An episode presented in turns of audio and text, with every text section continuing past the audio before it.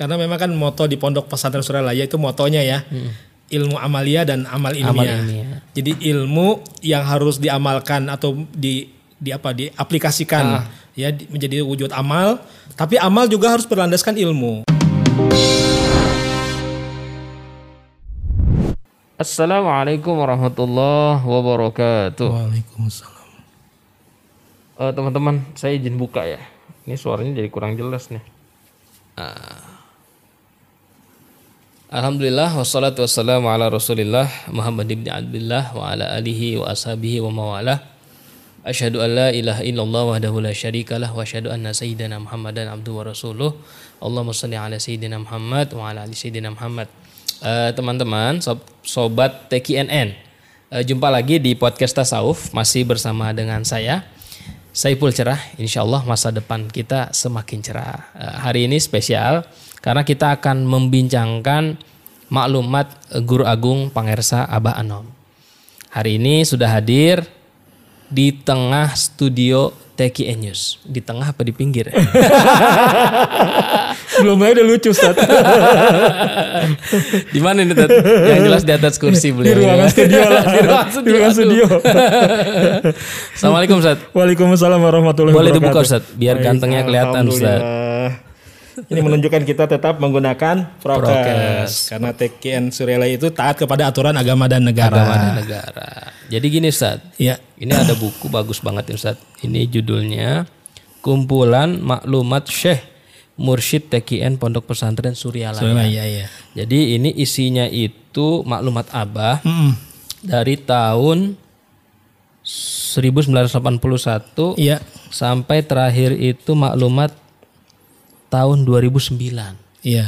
Nah, nanti kita nggak bakal ngebahas semua Ustaz. Iya iya. Karena kalau dibahas nih satu cukup maklumat aja waktunya. nggak cukup waktunya Ustaz. Jadi yang kita mau ambil nih kita mau capture di sini Iya, adalah salah satu maklumat yang menarik Ustaz. Baik baik. Nih saya bacain Ustaz ya. Iya. Bismillahirrahmanirrahim. Seraya bersyukur kehadirat ilahi Robbi, kita berharap semua kita berharap semoga Allah Subhanahu wa taala senantiasa melimpahkan taufik dan hidayahnya kepada kita semua. Dua, berkat izin dan perkenannya Tarikat Qadiriyah Naqsyabandiyah yang dikembangkan, yang dikembangkan oleh Pondok Pesantren Suryalaya alhamdulillah semakin berkembang dengan pesat Alhamdulillah. baik di dalam negeri maupun di luar negeri. Mulai dari Singapura, Malaysia, Brunei Darussalam dan lain-lain sebagainya. Menyadari hal tersebut, kita sebagai pengamal Torikot Qadiriyah Naqsyabandiyah harus bersyukur kehadiratnya atas nikmat tersebut. Dan juga yang penting untuk terus menjaga dan memelihara nama baik Tarekat Qadiriyah Naqsyabandiyah yang dikembangkan oleh Pondok Pesantren Suryalaya.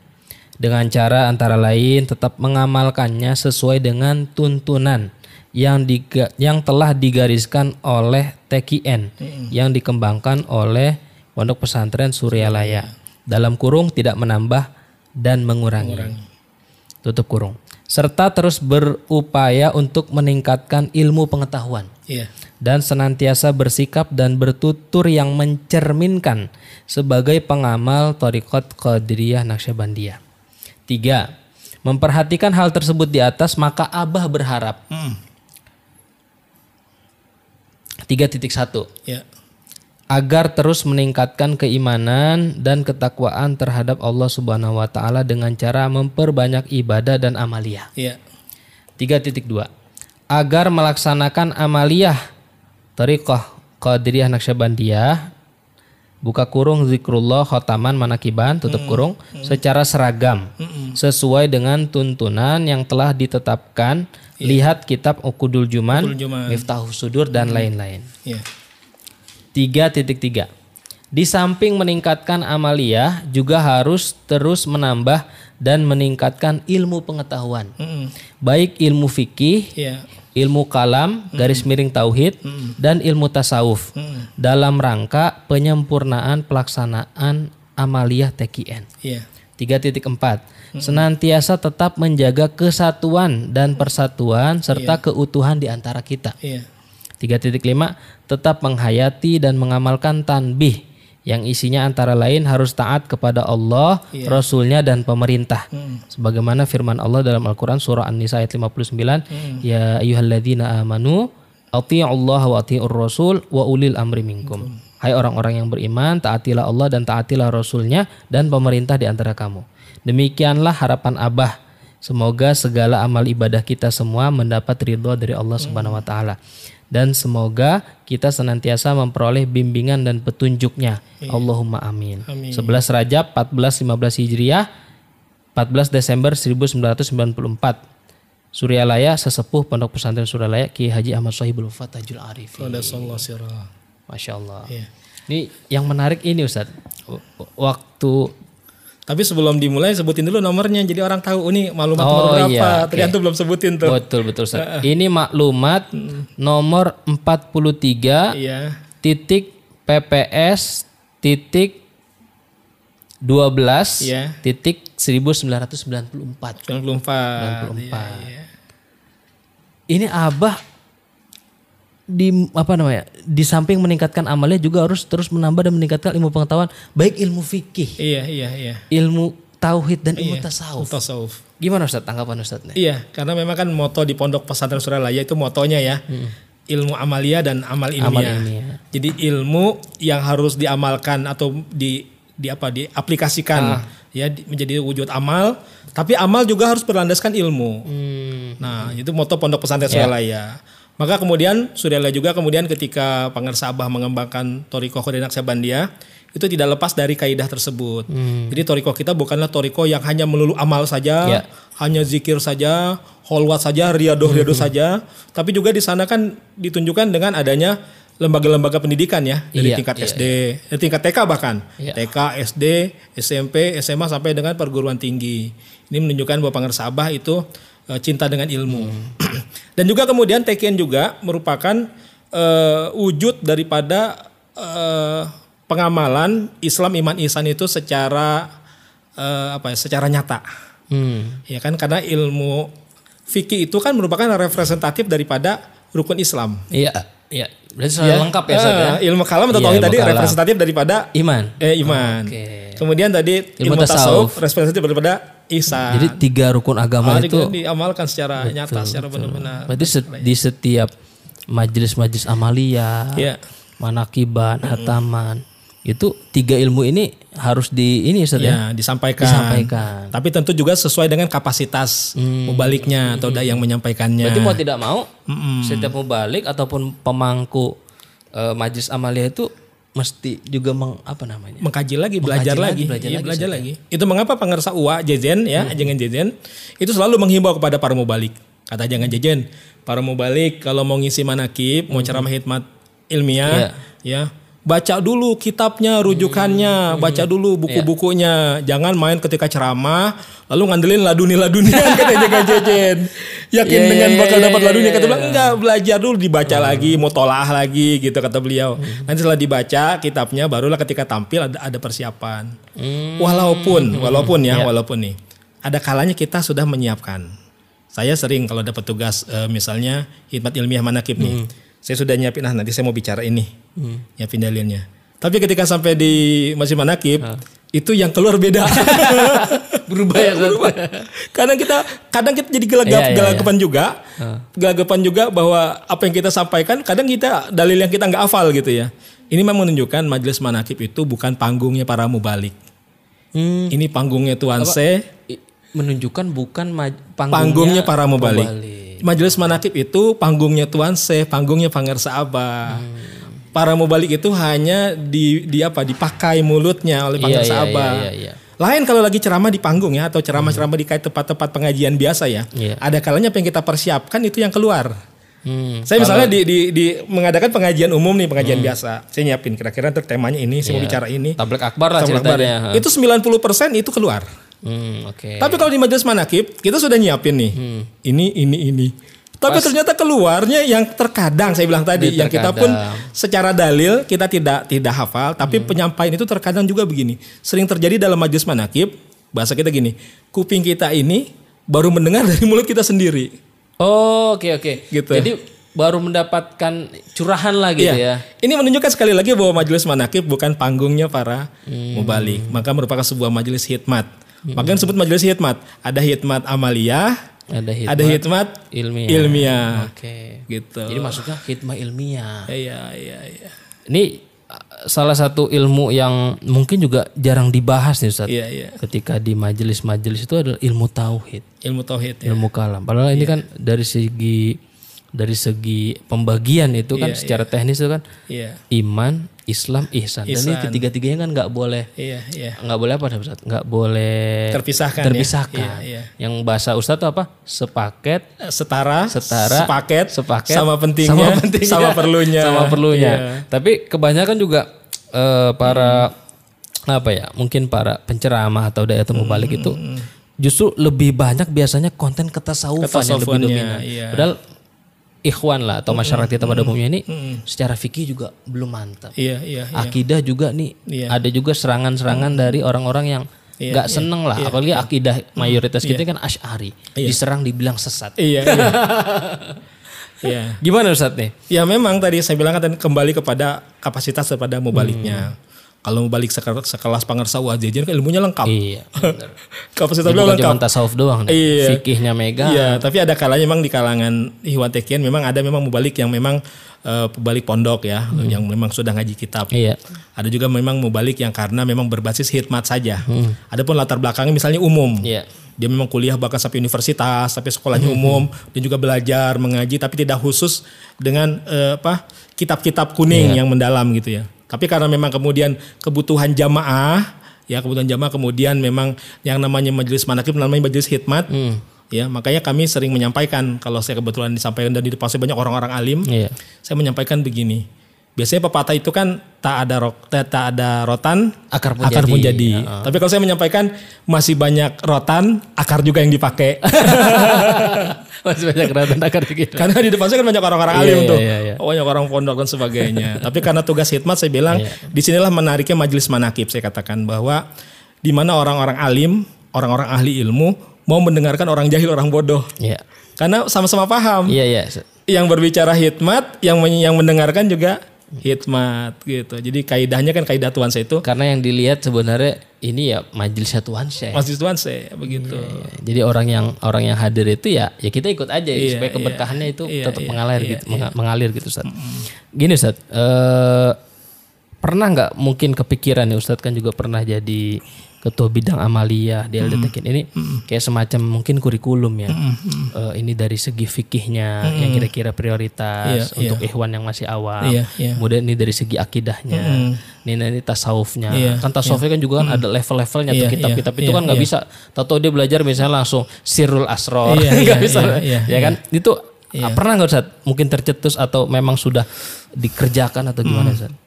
Kalau dulu kita sengaja membuat kajian di sini ya, untuk para ustadz mubalik, kita sengaja menghadirkan ahlinya, kita bedah kitab Miftah Sudur. Pertama dulu kita kasih nama karena itu Kamis malam Jumat kita kasih nama Kamis, kajian Miftah Sudur. Kamis oh iya pas ya. Terus yang belakangan namanya Bekam. Bekam Bedah kitab Miftah Sudur. Jadi kita bikin istilah-istilah ya Iya, iya, yang iya. udah diingat. Awalnya Ustaz, Kamis ya. ya, Kamis tuh kajian Miftah Sudur. Kemudian yang kedua adalah Bekam, Bekam. bedah, Bedah kitab Miftah Miftah Sudur. Dulu yang kebetulan kita minta dan memang beliau memang pakar di bidangnya, Kiai Haji Abu Arif almarhum, iya. ya beliau. bukunya Ya bukunya luar biasa itu kan beliau, beliau juga sebagai penerjemahnya dan memang beliau sangat kuatlah keilmuan dalam bidang ini. Maka kita minta beliau menyampaikan dua kali di Tekian Center ini, begitu. Ya ya ya Jadi memang ada upaya kita ya artinya upaya, bagi-bagi para mubalik itu dengan Ya. pendekatan Miftah Sudur dan juga kemudian termasuk juga kita pernah mengadakan halakoh mubalik. hmm, Ya, walaupun memang akhirnya lama-lama kan habis turun-turun ya, eh, animonya. Tapi pertama kali memang sempat yang hadir banyak. Ketika dibuat kajian rutin kan memang penyakitnya begitu ya. Karena kan yang hadirin juga mubalik semua. Dan mereka mereka kemudian digilir bicara gantian begitu ya. Jadi ketika itu memang kita semacam kayak tim bahsul masail lah. Jadi berbagai tidak hanya ketika itu tidak hanya permasalahan tasawuf saja, Iya. termasuk masalah fikih juga dikaji di situ. karena kan setiap mubalik itu menemukan aneka masalah beda-beda Iya ya di iya lapangan iya gitu iya iya iya iya. emang penting juga tuh saat dihidupin tuh Iya, satu makanya insya Allah kayaknya nih ada wacana juga kita akan menghidupkan. Kayak TK Newsnya pengen menggagas lagi nih. menggagas masuk Insya Allah, masalah insya lagi Allah, insya Allah ya. Iya, iya.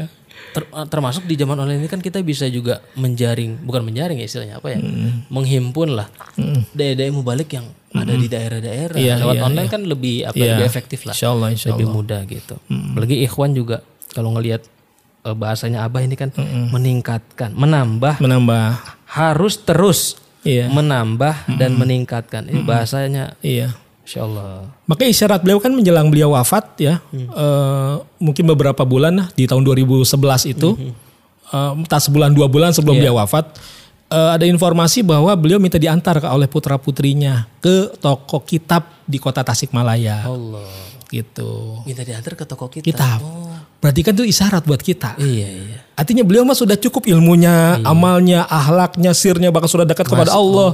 Tapi masih berarti apa? Itu contoh buat kita. Artinya Iwan Tekin itu jangan males baca buku gitu. Iya iya iya. Bahasa saya jangan kuper, Apa tuh? kurang perpustakaan. Jadi salah satu perpustakaan yang mungkin zaman sekarang lebih mudah diakses nih podcast. iya benar-benar. Mudah-mudahan ini podcast tasawuf. Iya, pustaka online ya. Per- Perpustakaan online. Online. Audio visual. Alhamdulillah. Karena emang nggak bisa dipungkiri Ustaz. Iya iya iya. Dari segi riset juga menunjukkan emang masyarakat kita ini sama baca itu nggak terlalu senang, lebih senang nonton. Iya, Makanya kita bikin podcast tasawuf ini Ustaz. Supaya orang lebih yang seneng nonton ya nonton lewat iya, YouTube. iya. Yang nggak seneng ngeliat lewat denger bisa di apa namanya di podcast gitu. Ini kalau bahasa timbul dulu ya, membaca televisi. Saya mendengar gitu ya. Denger mendengar di koran Men- gitu ya. mendengar Pokoknya ada canda-canda gitu kalau Iya, Sri Mul iya, ya. iya.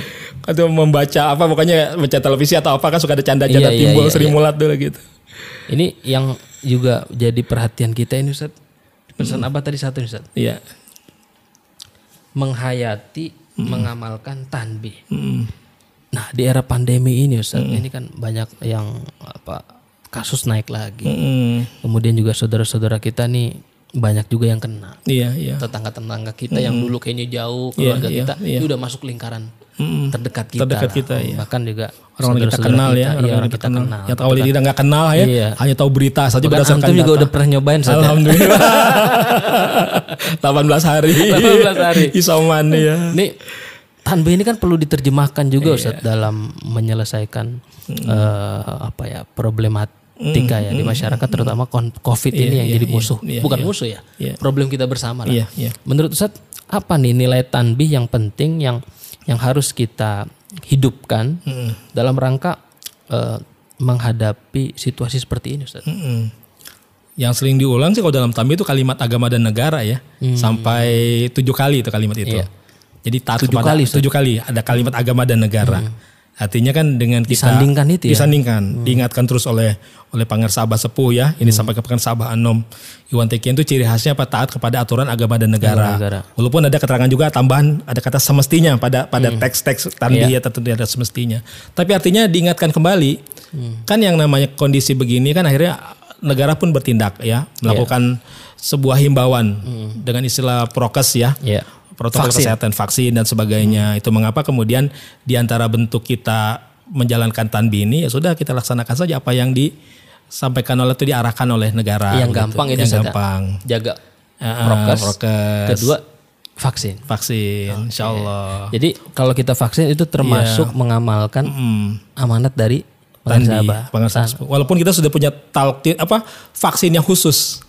Talkin itu kan vaksin yang Talkin khusus, vaksin khusus, khusus, iya. benar. tapi tetap vaksin yang umum tetap jangan ditinggal gitu. Jadi menerjemahkan tanbih itu ya zaman sekarang itu ikut vaksin gitu. Vaksin, insya Allah. Vaksin jaga prokes. Insya Allah. Walaupun orang yang ikut vaksin masih tetap kena. Iya. Tapi paling enggak resikonya itu lebih lebih minim lah. Gejalanya enggak enggak enggak separah orang yang. Jadi diniatin vaksinnya hikmat kepada guru. Nah, cakep, Ah, Ustaz. gitu. Jadi niat vaksinnya khidmat, Khidmat kepada guru. taat kepada pemerintah, Sebenarnya, tanbih. iya, Ustaz. iya, insya Allah. Jadi ada barokahnya. Ada barokahnya. Nggak sekedar kita semata-mata supaya terhindar dari COVID-nya Hmm, kan, tapi ada keberkahan yang kita dapat Iya. kalau niatnya hikmat kepada guru. Ini perspektif baru nih. Ustaz. Iya, insya Allah.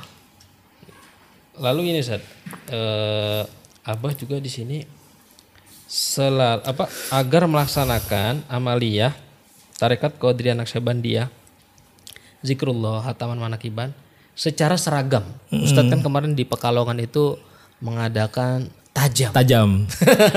Tanya jawab Amalia. amalia. Itu pertanyaan apa Ustadz yang muncul ketika acara itu berlangsung Ustadz? Ya banyak termasuk kemarin lebih fokus kepada amaliyah yang sifatnya harian zikir. Ya, kemarin belum sampai ke manakib-manakib, tapi ke zikir. Jadi kami sampaikan juga agar eh, kami sampaikan juga bahwa apa yang kami sampaikan ini bukan menjadikan satu-satunya patokan tunggal gitu.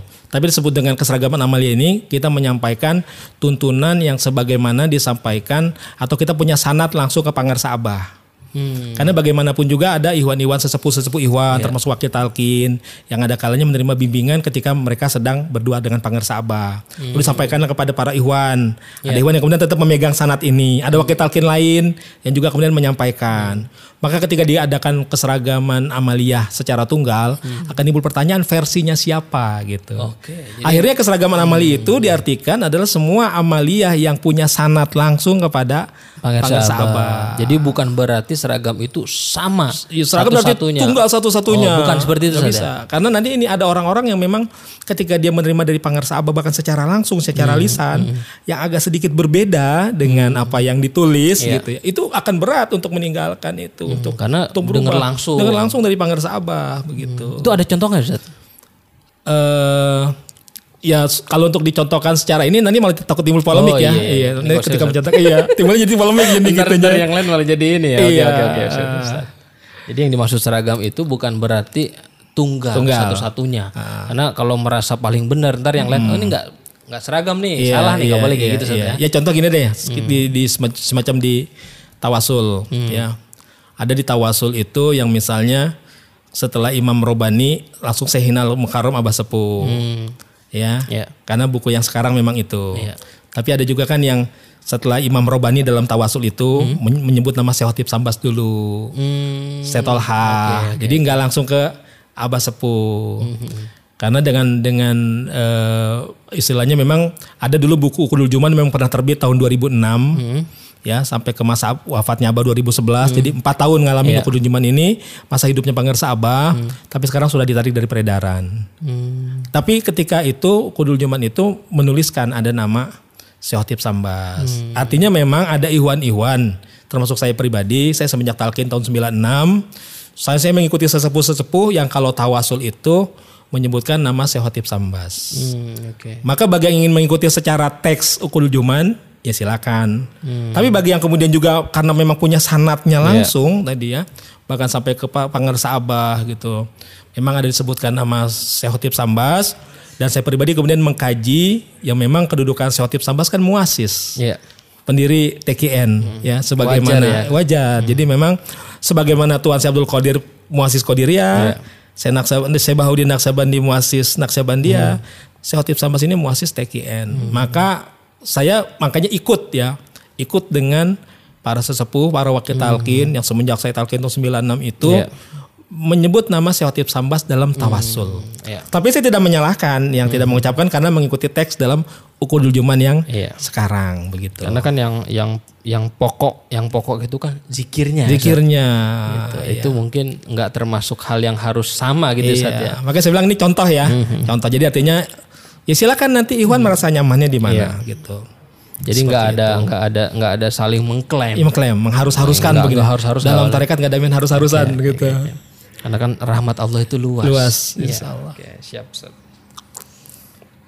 Satu lagi Ustaz. Baik. Ini di salah satu pesan Abah yang sampai hari ini saya kira ini penting ya. Mm. Ini di 3.4 nih.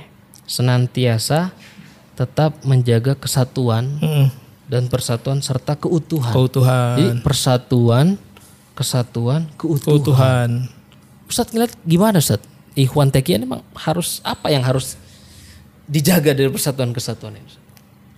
Ya ya tadi dengan dengan mengamalkan amalan harian ya. Hmm. Itu kan juga kaitan dilatih untuk untuk kita bersatu di situ. Hmm, Ketika berzikir itu kan dilatih untuk untuk bersatu di situ. jamaah. ya. berjamaahnya. Karena ada kalanya gini, orang zikir nih, dia enak nikmat, tapi nikmatnya nikmatnya sendiri. Kadang dia apa ya gini, ada orang berzikir memang dia dia nikmat bagi dirinya sendiri.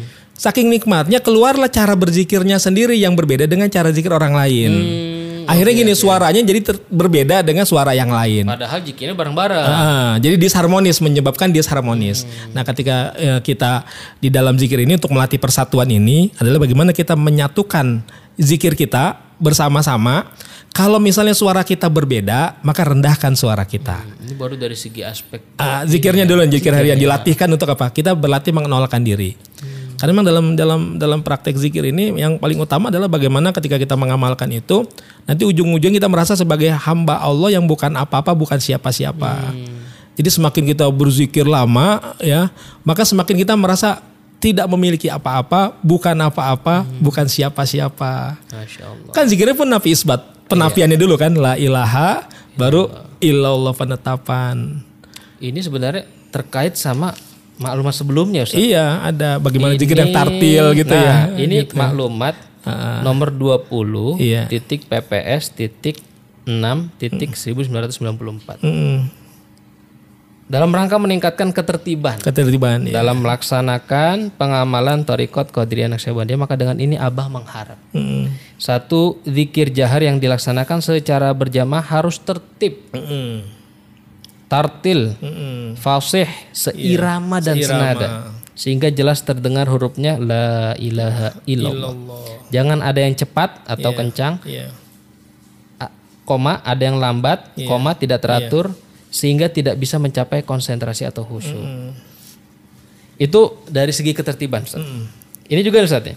Bila zikir dilaksanakan sendirian, Mm, suaranya jangan keras-keras. Iya. Terutama bila malam, malam telah hari. larut. Iya, iya, iya. Adab ini ya, adab te- terhadap tetangga ya Tangga kan. sekitarnya ya. Kemudian tiga, zikir karena terlalu khusyuk sampai ingin menangis, hal itu dibolehkan. Iya. Dengan catatan jangan sampai mengganggu, orang lain sehingga suasana menjadi goncang. Hal tersebut harus dicegah. Iya, iya.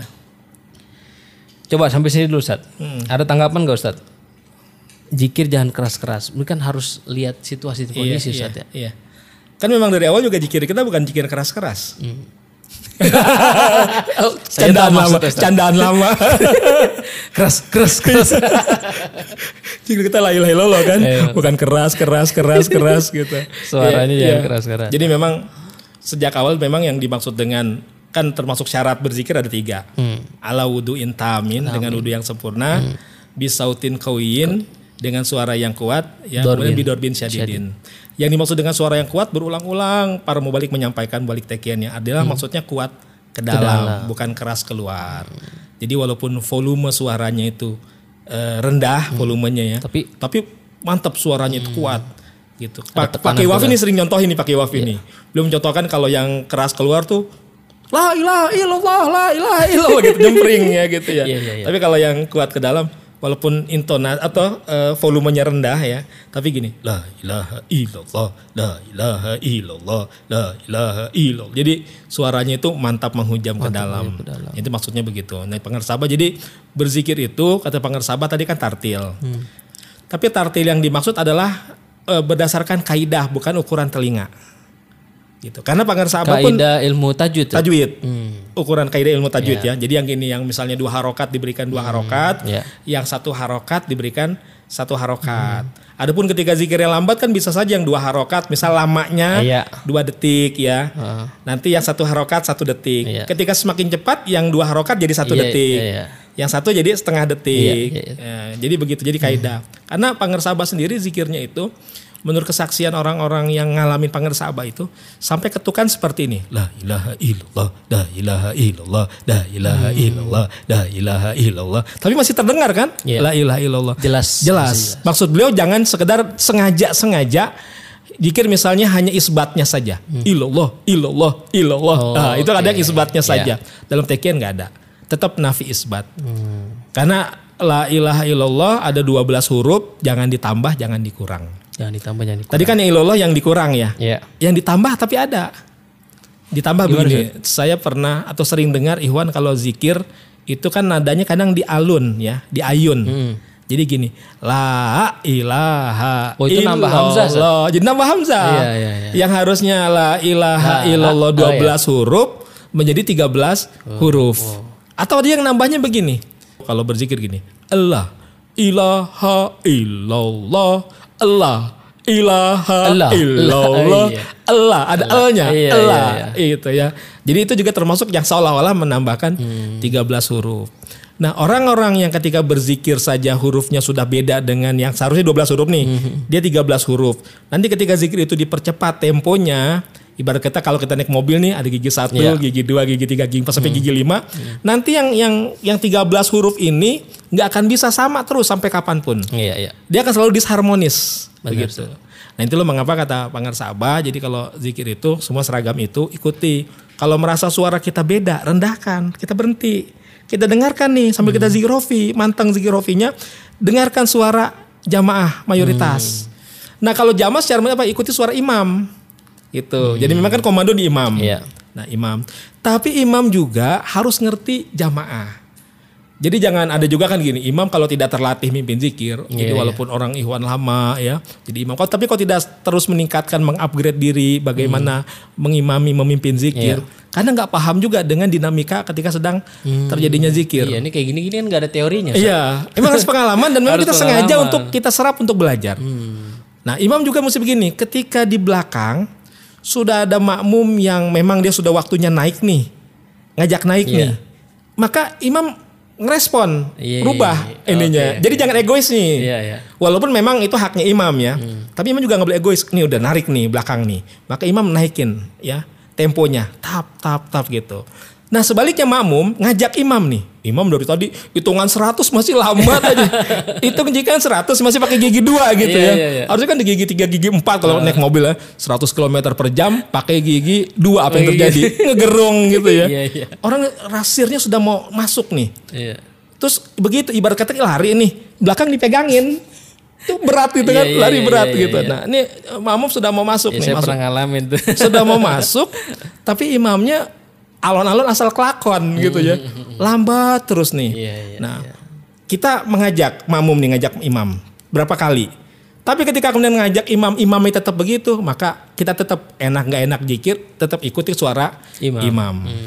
Tapi kalau imam yang responnya bagus, dia naik, trap, Iya, iya. dia naikin. Ya harus saling pengertian. Pengertian. Jadi Hmm. jangan egois. Tapi tetap kuncinya ada di imam Ustaz, ya? Imam. Jadi kalau imam, imam juga mesti paham nih. Iya. Ah, makmum udah ngajak nih.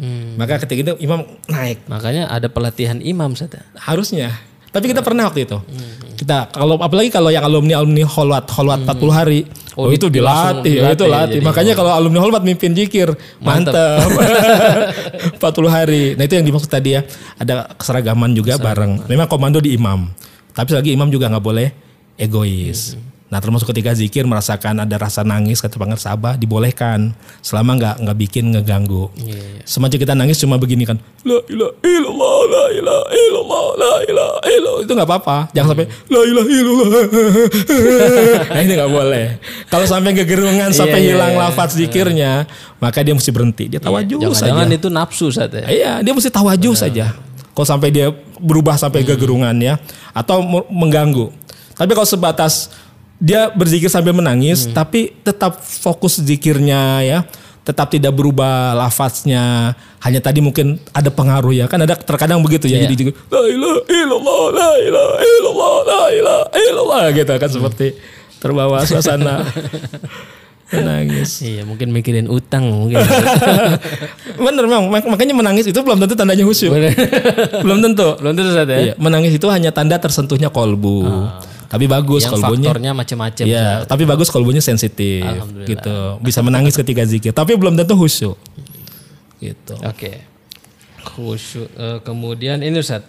Tadi kan Abah juga nih di, ini lebih jelas nih ya. Di nomor 4 nih maklumat dari Abah. Bila mana orang yang zikir dapat mengganggu orang lain, maka imam harus bertindak. Eh, Benar nih Ustaz. Imam perlu dilatih berarti ya untuk mencegah orang itu. Yaitu dengan memperingati atau merendahkan temperatur suara zikir secara bersama. Mm-mm. Kemudian yang lima, yang kelima adalah berjamaah zikir baik di masjid maupun di rumah hendaknya cukup mengikuti hitungan 165 kali. Andai kata ingin lebih banyak, hal tersebut dapat dilaksanakan secara sendirian Sendiri-sendiri. dengan suara yang tidak terlalu keras. Iya, iya. 6. Nah, ini saya mau nanya ke Ustadz nih. Bila ada yang kebetulan mendapat inkisyaful qalbi, Mm-mm. atau tersingkapnya kolbu, hal ini jangan diberitahukan kepada orang lain. Iya. Tapi tapi cukup dirasakan sendiri sehingga makin mantap. Iya, iya. Ini gimana Ustaz? Orang yang mendapat intisyaful kolbi ini, Hmm. kalau cerita emang ada dampaknya nggak Ustaz? Dengan kak Tabah nggak boleh. Iya. Ada dampaknya nggak Ustaz? Kalau umpama cerita nih ke Iya, orang nah, lain. Ini nggak nggak dapat lagi.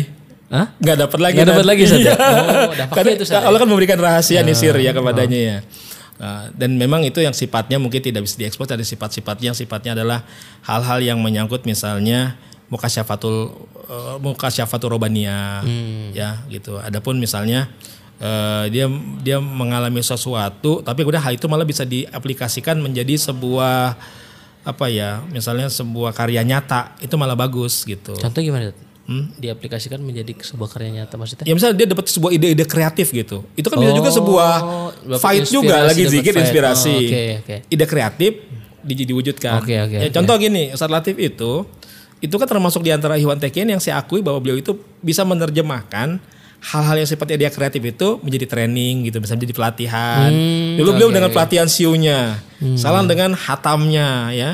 Itu kan awalnya Jadi tentu dari ide-ide ketika berzikir Menerjemahkan fight-fight itu dalam Iya. bentuk karya nyata. karya nyata. Nah, ketika Oke. diwujudkan seperti itu bagus artinya hal yang tadi sifatnya melangit dibuat membuni, bum- membumi. Hmm. Gitu. Dan, Walaupun dan memang fight itu sebetulnya eh, bukan hal yang manfaat untuk diri sendiri, Ustaz, ya. sendiri, iya. Justru fight itu Iya. apa ya? Sebagai bentuk kontribusi sosial ya. Iya. Kan ada kalanya dia dapat seperti itu ya. Jadi semacam kayak ilham-ilham itu se- semacam ya ide-ide kreatif lah bahasa gampangnya Hmm. Dan itu ya. nggak bisa di apa ya diceritain sebenarnya. Iya, tapi diwujudkan dalam Diwujudkan. sebuah karya nyata misalnya ya, itu boleh. Tapi yang benar-benar tidak boleh adalah sifatnya mukasyafah robaniyah. Hmm. Apa tuh Ustaz, muka syafarobannya itu? Ya pengalaman-pengalaman ketika seorang itu benar-benar merasakan mengalami misalnya dia menyaksikan atau musyahadah pada Allah dan sebagainya ya itu yang benar-benar tidak boleh. Tapi kalau tadi hanya misalnya lintasan-lintasan yang sifatnya tadi menimbulkan ide-ide bahkan wacana-wacana ya Oh, itu atau pengalaman-pengalaman dia ketika berzikir bertemu Rasulullah juga jangan diceritakan gitu. Karena dampaknya bisa nggak dapat lagi gitu. iya. Dan juga nanti akan timbul ujub, ujub pasti ada Oh, ujubnya lah. Iya. Kebanyakan orang gitu kan. Katanya Merasa- Iya. "Oh, ini saya bukannya ini bukan dimaksud sombong, tapi tetap aja. Kalau bahasa di dulu ada novel lupus ya. Merendah untuk melangit. iya, apa ngerendahin diri, ninggiin mutu. Tinggiin mutu. gitu. Gitu kayak gitulah istilahnya. Ada ada ada ada rasa ini gue udah nggak ngalamin nih gitu Iya, ya. kayak gitu. Jadi biar nggak ada rasa ujubnya, oke, dijaga oleh beliau dijaga. jangan sampai begitu. Gitu.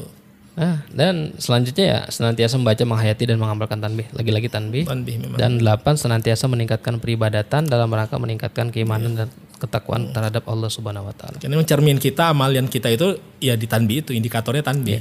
Jadi bukan uh sudah pernah ngelihat Sidratul Muntaha, uh sudah pernah nembus alam malakut. Eh ternyata sama tetangga masih bermasalah. Nah, Nah, kan seringnya gitu tuh. itu Ustaz. Banyak orang gini ngomongnya melangit, tapi dalam prakteknya ternyata banyak hal masih bermasalah ketika di bumi itu ya. Jadi ketika dengan tetangga, dengan Iya, keluarga, dengan anak, dengan istri, Justru yang jadi yang kelihatan itu justru tanbihnya Ustaz. tanbihnya. Makanya apa berkali-kali itu yang ini, itulah indikatornya. Termasuk indikatornya orang pengen dikira kok latifah satu latifah dua gitu gitu kan pengen ngejar-ngejar latifah. Iya. Padahal banyak orang sudah di latifah, pernah ditalkin latifah sekalipun. Kalau memang zikirnya memang atau memang pengolahan zikirnya, perpaduan ilmu dan amal dan Iya. itu belum tidak akan melahirkan akhlak juga. Jadi benar-benar harus benar-benar penerapan ilmu, amal dan ikhlas mengamalkannya. Jadi buah zikir itu melaksanakan tanbih. tanbih, akhlak itu kan tanbih kan akhlak. Akhlak. Bahkan bisa dikatakan bukan hanya ahlakul karimah. Sebenarnya orang taunya ahlakul karimah kan. Tanbih itu ahlakul azimah. Akhlakul azim. Ah, seperti Nabi kan wa innaka ala hulukin azim. Sesungguhnya engkau ini memiliki ahlak yang agung. Dari mana kita berani mengatakan tanbih ahlakul azimah? Lihat untayan mutiara yang kelima. Sayangilah orang yang membenci kepadamu. Itu berat. Menyayangi orang yang berbuat baik kepada kita itu sudah sebuah sebuah kebaikan loh, sebuah akhlak. Iya. Itu namanya akhlakul karimah. Karimah. Ketika kita bisa membalas kebaikan orang lain dengan kebaikan yang serupa atau yang Iya. lebih tinggi, itu sudah akhlakul karimah. Tapi kalau bisa membalas berbuat baik kepada orang yang menyakiti kita, oh itu bukan akhlakul karimah lagi. Itu akhlakul azimah. Iya. Kita diam aja, kita dijailin aja, kita diam itu udah berakhlak. Berakhlak. Ya, apalagi sampai berbuat baik. Berbuat baik. Kalau dia tadi masih kelas akhlakul karimah Iya. kan kita nggak ngebales gitu ya. Akhlakul azimah. Nah, ini kalau azimah mem- membalas dengan kebaikan. Jadi tanbih itu ahlakul Azim. Jadi kalau mau ngecek nih zikirnya udah bener belum lihat praktek tanbihnya. Nah, kayak gitu. Gampangnya Cerminnya gitu, cerminnya. gampangnya kayak Oke, gitu. oke, oke. Makanya Abah berkali-kali selalu Dalam maklumatnya ya. membaca, menghayati dan mengamalkan. Mengamalkan. Mudah-mudahan kita semua bisa mengamalkan tanbih. Amin amin amin ya Allah. Amin amin ya Allah. Biar semakin cerah. Bertekiannya. Bertekiannya semakin cerah. Nih ada ini nggak Ustaz? Ada lagi-lagi kan Ustaz Andika nih terkenal dengan cerita-ceritanya. Iya. Ada cerita nggak satu saat nih sebelum kita tutup nih? Iya, kalau ngomongin tanbih jadi kaitan dengan bagaimana ahlaknya beliau ya. Saya pernah mendapatkan langsung dari cucu pangersa Abah. Hmm. Namanya Cep Obit, A Obit ya. Beliau putra Mama Ane. Iya, Ya, beliau sekarang jadi dosen di ILM ya. Beliau ini saya dari kecil itu dari muda ketika saya bujangan Suralaya itu beliau ketika itu masih SD. Hmm. Jadi ketika SD dia masih SD saya sudah kuliah ke sana ya. Kadang suka belajar matematika bareng, termasuk suka ngobrolin komik karena selera komiknya sama Dragon Ball. saya dengan Aobit sama-sama suka Iya, Dragon iya, Ball. iya. Kira-kira tahun sekitar tahun 2000 berapa? 2000 atau 2001 gitu ya, saya lupa. Aobit ini eh, datang ke Jakarta ke Tangerang. Hmm. Saya ajaklah nginep ke rumah saya di Roboya Cengkareng. Iya. Nginep. Alhamdulillah saya bersyukur banget. Air rumah yang di Roboya itu sempat dinginepin oleh cucu pangersa Abah Aobit. Nah, ketika itu Aobit Aobit cerita secara langsung. Hmm. Bahwa beliau pernah ngalamin ketika itu beliau usia mungkin sekitar 4 atau 5 tahun ya. Itu Abah juga usia Abah ketika itu sudah sekitar 70 berapa sekitar 70 atau 77 tapi Abah masih gagah. Aobit bilang ketika itu dia kan kelahiran kalau tidak salah kelahiran tahun 86 atau 8 atau 87 ya 86 itu. Itu beliau sama putra Abah yang bungsu, Cep Haji Daus ya, itu kan se- seumur ya. Seumur artinya. Beda-beda mungkin berapa Iya, bulan iya. nih, tapi seumur Cucu lah. sama anak ini ya, Ah, seumuran. Cucu sama seumur sama Cep Haji Daus. Nah, Pangersaba pernah mengajak mereka berdua naik kuda. Hmm. Naik kuda ya dari Suralaya, Abah masih gagah. Abah sudah 70-an itu usianya. 70 masih 70 naik kuda berapa gitu ya. Tapi masih gagah naik kuda. Allah. Abah naik kuda itu sampai ke Pasar Pager Ageng. Kan lumayan tuh Pasar Pager Ageng Iya. dari Pontren Suryalaya sampai ke Pasar Pager Ageng Iya, gitu. Nah, ketika Pangersa Abah sedang berkuda, di Pasar Pager Ageng itu ada lima pengemis. Mereka melihat, wah ada tampilan Abah ketika itu dengan Abah lengkap pakai surban walaupun berkuda ya, Abah pakai peci, kelihatan Abah sosok sosok ulama, sosok ajengan ya. Maka lima orang tunawisma ini ketika melihat Pangersa Abah, mereka langsung memberi hormat dan ketika itu mereka sedang makan. Makan rame-rame nih. Dan kemudian mereka seolah berbahasa basi dengan Abah ya karena eh ajengan kata Abah, melihat ajengan ke Abah nih. Makan ajengan menyapa Abah ya mereka. Abah langsung, oh iya Abah langsung turun dari kudanya. Dan Abah ikut duduk bersama dengan lima tunawisma itu. Sambil Abah meng- meng- menggendong tadi menurunkan cucu dan putra bungsu beliau kan turun dari situ kemudian dan Abah ikut duduk bersama mereka dan ikut makan bersama mereka. Allah. Waktu itu eh, Aobits cerita kepada saya nih, beliau menceritakan dengan ekspresinya beliau gitu. Padahal itu nasinya mungkin nasi bekas sisa-sisa dari si makanan bekas. Makanan yang mereka makan. Yang akhirnya juga Abah ikut makan bersama mereka. Terus saya disuapin sama Abah kata kata Aobit nih ya atau Cep Obit. Ketika disuapin sampai iya sampai begitu bau itu makanan nasi bau. Ya Allah. Jadi disuapin Abid sama tapi Abah biasa saja Abah menikmati. Terus dia bilang saya ketika kecil itu saya sampai menahan jadi Abah itu bisa memanusiakan manusia luar biasa. Jadi tawadunya bukan tawadu dibuat-buat, benar-benar Abah merendahkan. Jadi menghormati manusia itu sedemikian rupanya walaupun tunawisma. Walaupun mereka makanan-makanan sisa ya Iya, iya. hasil sampah. Nah setelah setelah Abah makan bareng bersama mereka, lalu Abah pamit mengucapkan terima kasih kepada mereka. Abah pulang mengajak eh, Cep Obit dan ya dengan Cep Haji Daus itu kembali ke Pontren Suryalaya. Sampai di Suryalaya Pangersaba memerintahkan ya beberapa orang ya staf di Suryalaya atau ajudannya beliau gitu ya. Itu untuk mengirim lima, lima karung beras dengan beberapa perangkat pakaian itu kepada tunawisma tersebut. Jadi subhanallah mereka juga mungkin nggak tahu mungkin dari mana yang dapatnya. Iya, iya. Tapi apa ketika pulang lalu Abah memerintahkan bawa lima karung, masing-masing dapat satu karung beras gitu dengan Iya. beberapa perangkat pakaian subhanallah. Ini mencontohkan tadi tanbih tadi itu. Aduh. Maka saya angkat cerita yang yang memanusiakan manusia. Aduh, aduh, aduh. No komen lah. yang memanusiakan Masya manusia luar biasa itu. Subhanallah. Jadi bukan cuma ikut makan Sat, ya. Ya Bapak ikut makan dan nyuapin. Ikut makan dan nyuapin. Cuma kata Obi itu, wah katanya karena nasi bau itu. Tapi Abah biasa saja ekspresinya, bahkan Abah menikmati dengan mereka, memuliakan mereka. Nah, subhanallah. Jadi benar-benar nggak ngerasa lebih tinggi. Harus lebih ya? tinggi. Dan juga nggak merasa jijik. Dia nggak merasa jijik. Nggak merasa jijik, nggak merasa lebih tinggi. Padahal itu lagi naik kuda kan. Lagi naik kuda. Orang kan kalau udah taruhlah zaman sekarang orang naik mobil dan makan pak. Mana mau orang turun dari mobil ikut Iya, iya. makan. Abah turun. Allah. Subhanallah. Dan saya dapat dari pelakunya langsung. Pelakunya langsung. Pelaku pesejarahnya, Chef Obit yang makan disuapin dengan nasi bau tersebut. Mudah-mudahan kita bisa meniru ahlaknya. Mudah-mudahan itulah ahlakul azimah. Ahlakul azim. Luar biasa. amin, amin, amin. Oke sobat TKNN. Makasih nih sudah menyaksikan, mendengarkan dan mendukung channel TKN News. Insyaallah eh, jumpa lagi Sabtu mendatang masih bersama dengan bintang tamu lainnya. Mudah-mudahan kita semua sehat. Amin, amin. Rabbal alamin. Amin ya rabbal alamin. Assalamualaikum warahmatullahi wabarakatuh. Waalaikumsalam warahmatullahi wabarakatuh.